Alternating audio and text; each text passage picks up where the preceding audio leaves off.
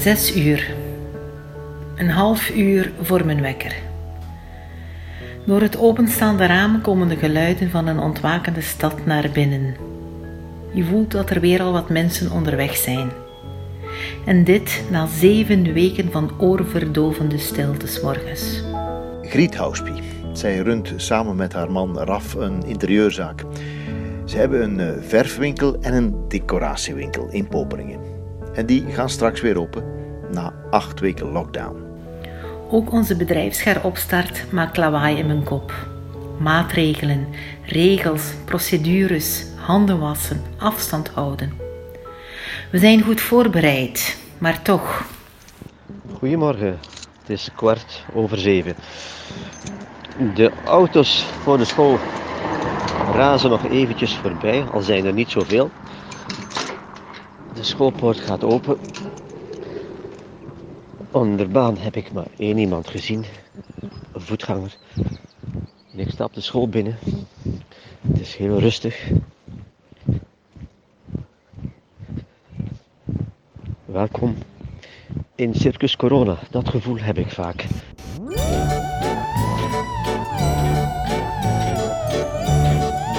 Philippe Grezon is eh, directeur of coördinator, zoals dat hier heet, van Frenesco de Torteltuin in Poperingen. De nakende heropening van de school, al is het eh, maar voor drie leerjaren voorlopig, brengt heel wat met zich mee. Een beetje circusdirecteur spelen. Maar je hebt ook nog zo'n act die je zelf moet opvoeren tijdens de voorstelling. En de act bestaat erin om ettelijke borden op zo'n stokje te laten draaien. Het lijkt moeilijk en het is ook moeilijk. Het is heel rustig in de school. Speelplaats, niemand te zien. Straks komen hier een twintigtal kinderen. Even rondkijken. De kastanje van de buurt doet het prachtig. Maar ook onze eigen meidoorn en sleedoorn staan prachtig in bloei. De vogels denken dat de wereld nog van hen alleen is. Zalig plekje hier eigenlijk. Goedemorgen. Ik ben George. En ik ben net wakker. Ehm, ik ga me nu wassen en daarna ga ik eten. Um, ik, ik heb ook een stuk van mijn tand. Dus ik ga proberen niet wild te zijn. En ja. Tot straks. Ja, dat was duidelijk waar die zijn eerste dagboekfragmentje in las. George is uh, acht jaar, hij zit in het vierde leerjaar en uh, hij woont met zijn ouders en zijn broer Raoul en zijn piepjonge zusje Maria in uh, Duizend Brussel, vlak achter het uh, klein kasteeltje. Gisteren is een toespraak gehouden, uh, ik bedoel een persconferentie gebeurd van uh, premier Lomes. Op de persconferentie heeft hij gezegd dat er een nieuwe regel is met zo vier personen, maar ja, dat is echt niet bruikbaar. Ik vind dat zo raar, snap je? Ja, lockdown, het is iets hoor. Ik zit hier nu alleen thuis met mijn gezin. En ja, proberen zoveel mogelijk naar een park te gaan. Uh, ja, want dat is goed voor uh, je, je lichaam. En dat is goed tegen corona. Dus um, ja, we houden ons wel bezig in deze coronatijden. George weet zich wel bezig te houden in Brussel daar. Hoe zou het zijn in Italië? Dat vroeg ik me af en ik heb Robin Timmermans bereid gevonden om een dagboekje bij te houden voor ons.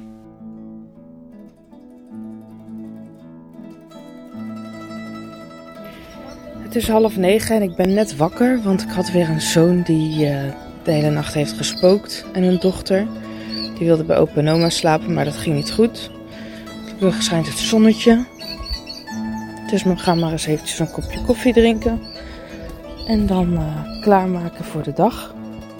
Robin heeft samen met haar vrouw Mieke een camping In de zwaar getroffen regio Ligurië in Noord-Italië is dat.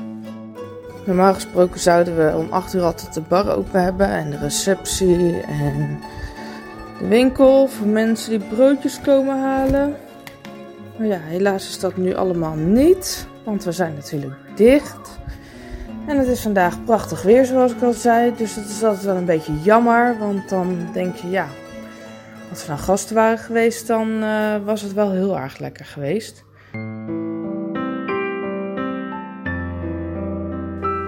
In Poperingen start de werkdag voor Griet. 8 uur. Samen met man en zoon stappen we de gesloten werfwinkel binnen.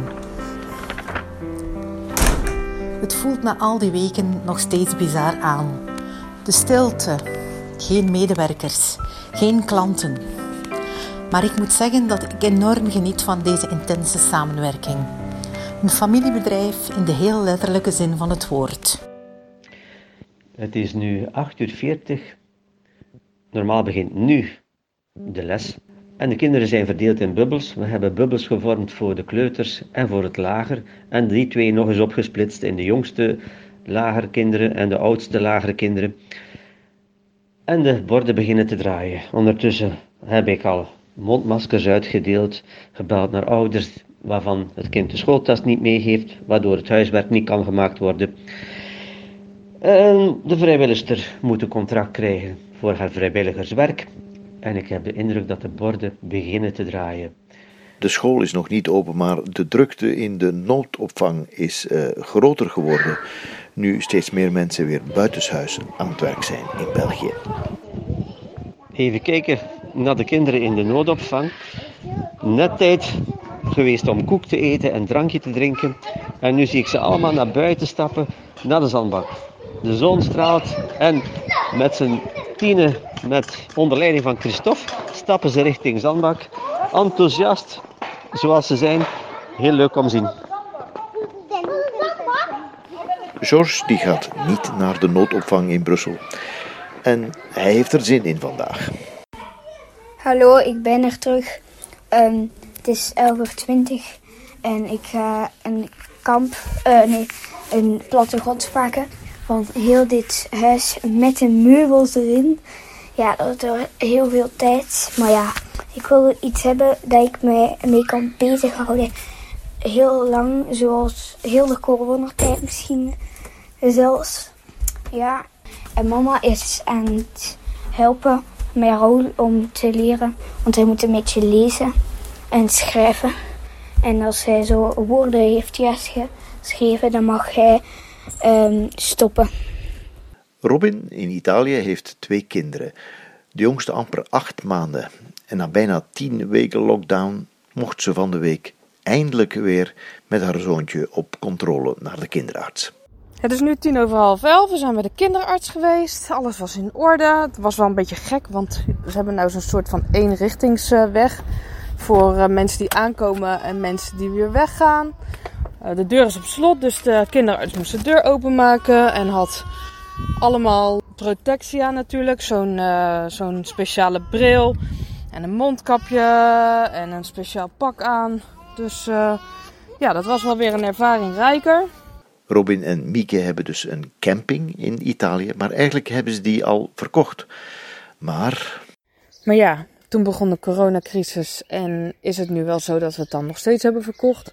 Alles ligt stil en daarom is het ook niet mogelijk om een afspraak te maken bij de notaris. Kan een nieuwe koper niet deze kant op komen. Allemaal kopzorgen. Nou, daar lig ik dan s'nachts wel eens wakker van.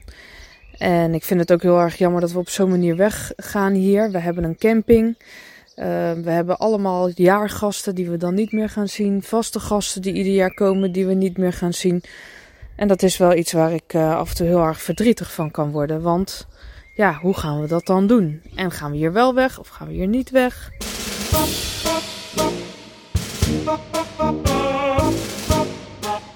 In de torteltuin werkt Philippe zich doorheen zijn mailbox. Ik ben momenteel de mails aan het doornemen. Ondertussen denk ik na over de uitdaging die ons wacht. We moeten vanaf 15 mei zowel lesgeven, klassen ontdubbelen en ook nog noodopvang voorzien. Dit lijkt een beetje moeilijk en is het ook, want Je hebt vooral mensen en plekken nodig, klaslokalen. Maar ooit leerde ik van een vriend: de rotsblokken van vandaag zijn morgen nog kiezelsteentjes. En ik herhaal het vaak tegen mezelf. Dit komt in orde. En een van de mails is helpend in die zin dat het stadsbestuur een oproep doet om vrijwilligers in te schakelen die mee kunnen helpen zorgen voor noodopvang. Prachtig initiatief, dank u wel daarvoor. Een volgende mail gaat over een juf die ziek is. Dat maakt mij iets bezorgder. Ik moet de ouders van het vierde leerjaar inlichten en ook de collega's dat Inge eventjes uit is. We duimen, want in een school weten we hoe belangrijk mensen zijn en hoe onmisbaar ze zijn. Hallo, ik ben er terug en ik ga nu gebarentaal oefenen. Het is ondertussen 14 uur. Uh, ik ga gebarentaal oefenen op de computer. Ik hoop dat het een beetje gaat lukken. Uh, ik ga de cijfers tot 1000 proberen te leren. Ja, dat is wel moeilijk, want het is een gebarentaal.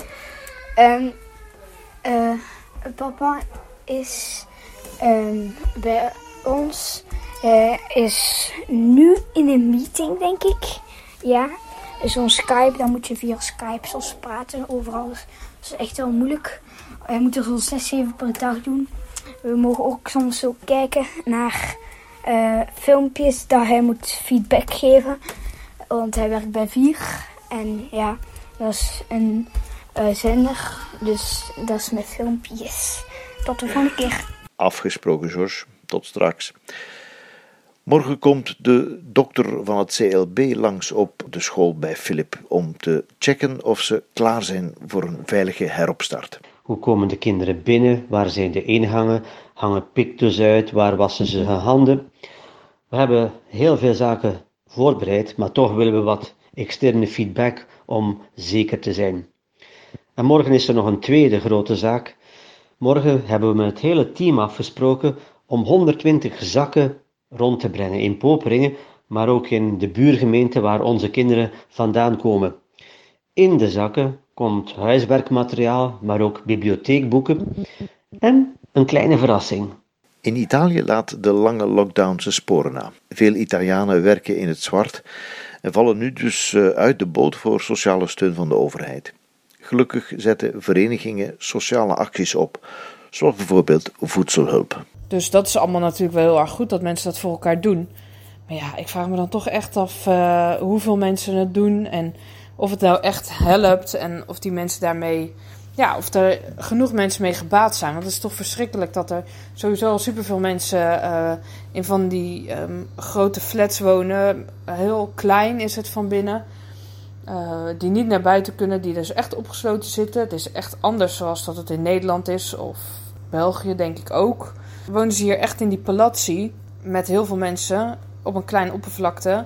En denk ik dat er ook best een hele hoop mensen gewoon echt uh, met honger naar bed gaan. En ja, dat er dus er eigenlijk ook nog eens een stille ramp gaande is in plaats van alleen het coronavirus. En over de middag luistert Filip naar de radio. Ik hoor dat in Italië men 200.000 werklui zoekt om tomaten te plukken. En blijkbaar zijn de Italianen zelf niet meer fit en handig en gemotiveerd genoeg om die te plukken. En ook de grote landbouwbedrijven willen geen hoge lonen betalen.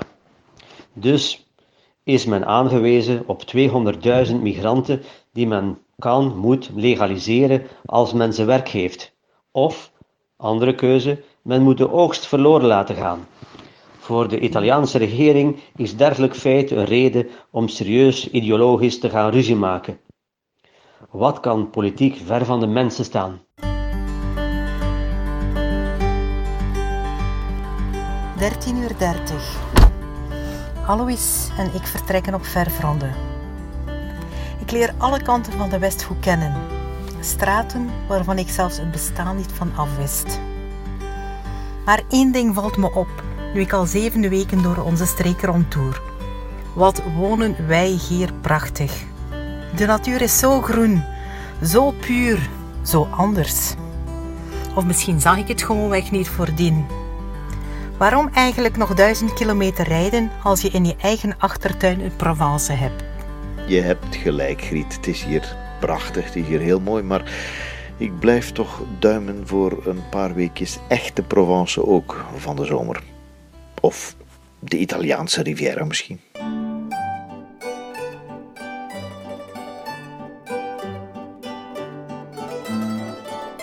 Goed, het is nu bijna drie uur. Het is tijd om de bikini aan te trekken, want dat had ik beloofd. Eh, we hebben het kleine zwembadje, ondanks het feit dat het dus niet geverfd is. Want daar kunnen we natuurlijk nu niet aankomen. We kunnen het niet bestellen, uh, want alle bedrijven zijn dicht. Maar we hebben toch het kleine zwembadje uh, vol laten lopen met water. Want dat is wel gezellig voor onze kinderen in ieder geval. Ja, en daar moet moeders natuurlijk wel mee. Hè? Dus uh, ik denk dat het water ongeveer 18, 20 graden is. En mijn zoontje die, is er nog nooit in geweest. Maar we gaan het gewoon proberen.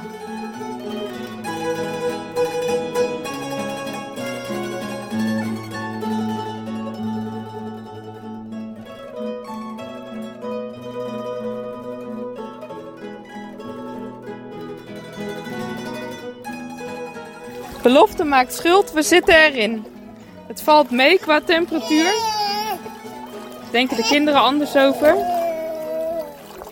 Maar het is wel lekker en we genieten volop. Dus uh, als de zon morgen schijnt, gaan we weer. Ik heb net een lekkere milkshake gedronken. En ja, ik heb ook kop of munt gespeeld. En het is nu 6 uur 30.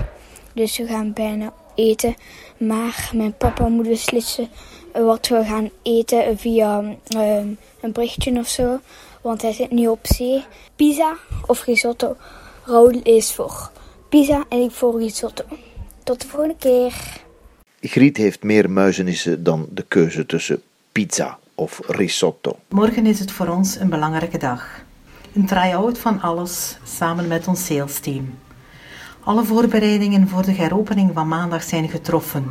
Maar er is zoveel aan wat je moet denken. En hoe het zal lopen, dat weet ik niet. En dat stelt me niet helemaal gerust. Keren de klanten terug naar de winkel of kiezen ze massaal voor thuislevering? Komen ze één voor één of allemaal tezamen? Hebben klanten begrip dat het allemaal wat langer duurt met die extra maatregelen? Dat alle thuisadviezen en plaatsingen tijdelijk geannuleerd werden? Dat het voor onze medewerkers ook allemaal wennen wordt? Zal de volledige heropstart van het dagelijkse leven niet voor extra besmettingen zorgen? Ik weet het niet en dat houdt me bezig. Het zoontje van Robin heeft in twee maanden lockdown niemand anders gezien dan zijn eigen gezinnetje. En dat laat zich voelen. Nou, hij is nu acht maanden en hij heeft twee maanden dus helemaal niemand gezien. Dat is eigenlijk wel heel erg zielig en ik was er ook wel een beetje bang voor. Maar hij is dus nu ook heel erg inkennig. En ieder nieuw gezicht die hij ziet, daar moet hij heel erg om huilen. Dus uh, ik hoop maar uh, dat het vanaf nu weer de goede kant op gaat. Want we hebben hem gisteren ook maar even meegenomen naar de supermarkt, althans mijn vrouw. Zodat hij daar ook weer een beetje aan gewend raakt. Het nieuws is gedaan en ze hebben gezegd dat de coronacrisis, de versoepelingen die van de vier personen, um, ze zeggen dat er heel wat vragen zijn. Eigenlijk vind ik dan niet dat er veel vragen zijn. Uh, ik heb net ook risotto gegeten. Dat is heel lekker. Tot de volgende keer. Uh, ik bedoel, deze de laatste keer. Thuis aangekomen is het eerste wat ik zie een volle mand strijk. En ook de kussens van mijn zetel liggen niet zoals ik het wil. Maar ik doe even alsof ik het niet zie. We kijken nog snel uitgesteld naar het nieuws en starten een nieuwe aflevering van The Crown. Een half uur later schiet ik wakker. Misschien moet ik toch maar naar bed.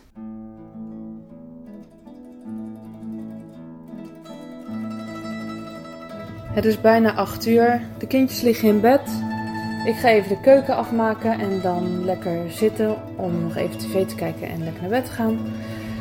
Um, ja, ik hoop eigenlijk dat ik uh, met mijn dagboek wat mensen heb kunnen bereiken over hoe wij hier omgaan in Italië met de lockdown.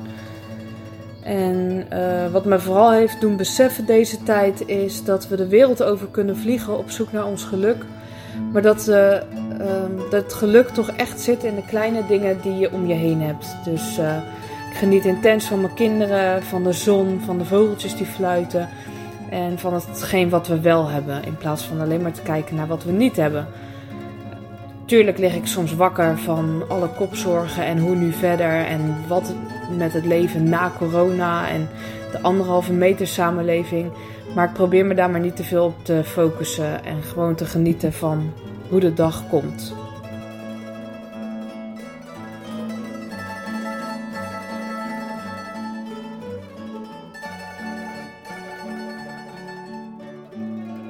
Het is kwart voor negen. Ik neem een boek vast. Ik lees de achterflap. Als leraar of schoolleider ervaar je veel werkdruk. Dagelijks komen er allerlei zaken op je af die veel tijd en aandacht vragen. Dit kunnen problemen zijn die zich maar niet lijken op te lossen, of collega's die regels en afspraken zijn vergeten, en terwijl je de plooien van de dag glad strijkt, schiet je te binnen dat je bij een vergadering of overleg wordt verwacht. S'avonds plof je op de bank en verzucht je. Kon ik maar weer eens gewoon lekker lesgeven.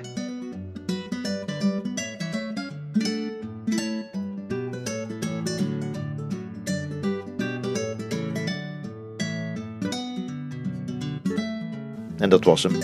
Het derde dagboek mozaïekje van onze podcastreeks Potdicht van het uh, podcastcollectief van de Kunstacademie Poperingen. Luister zeker ook eens naar de andere podcasts van mijn collega's. Je vindt ze op Soundcloud en vele andere podcastfora. En we zetten ze ook allemaal samen op één afspeellijst met muziek ertussen op Spotify. Zo heb je een eh, hele ochtend, middag of avond luisterplezier.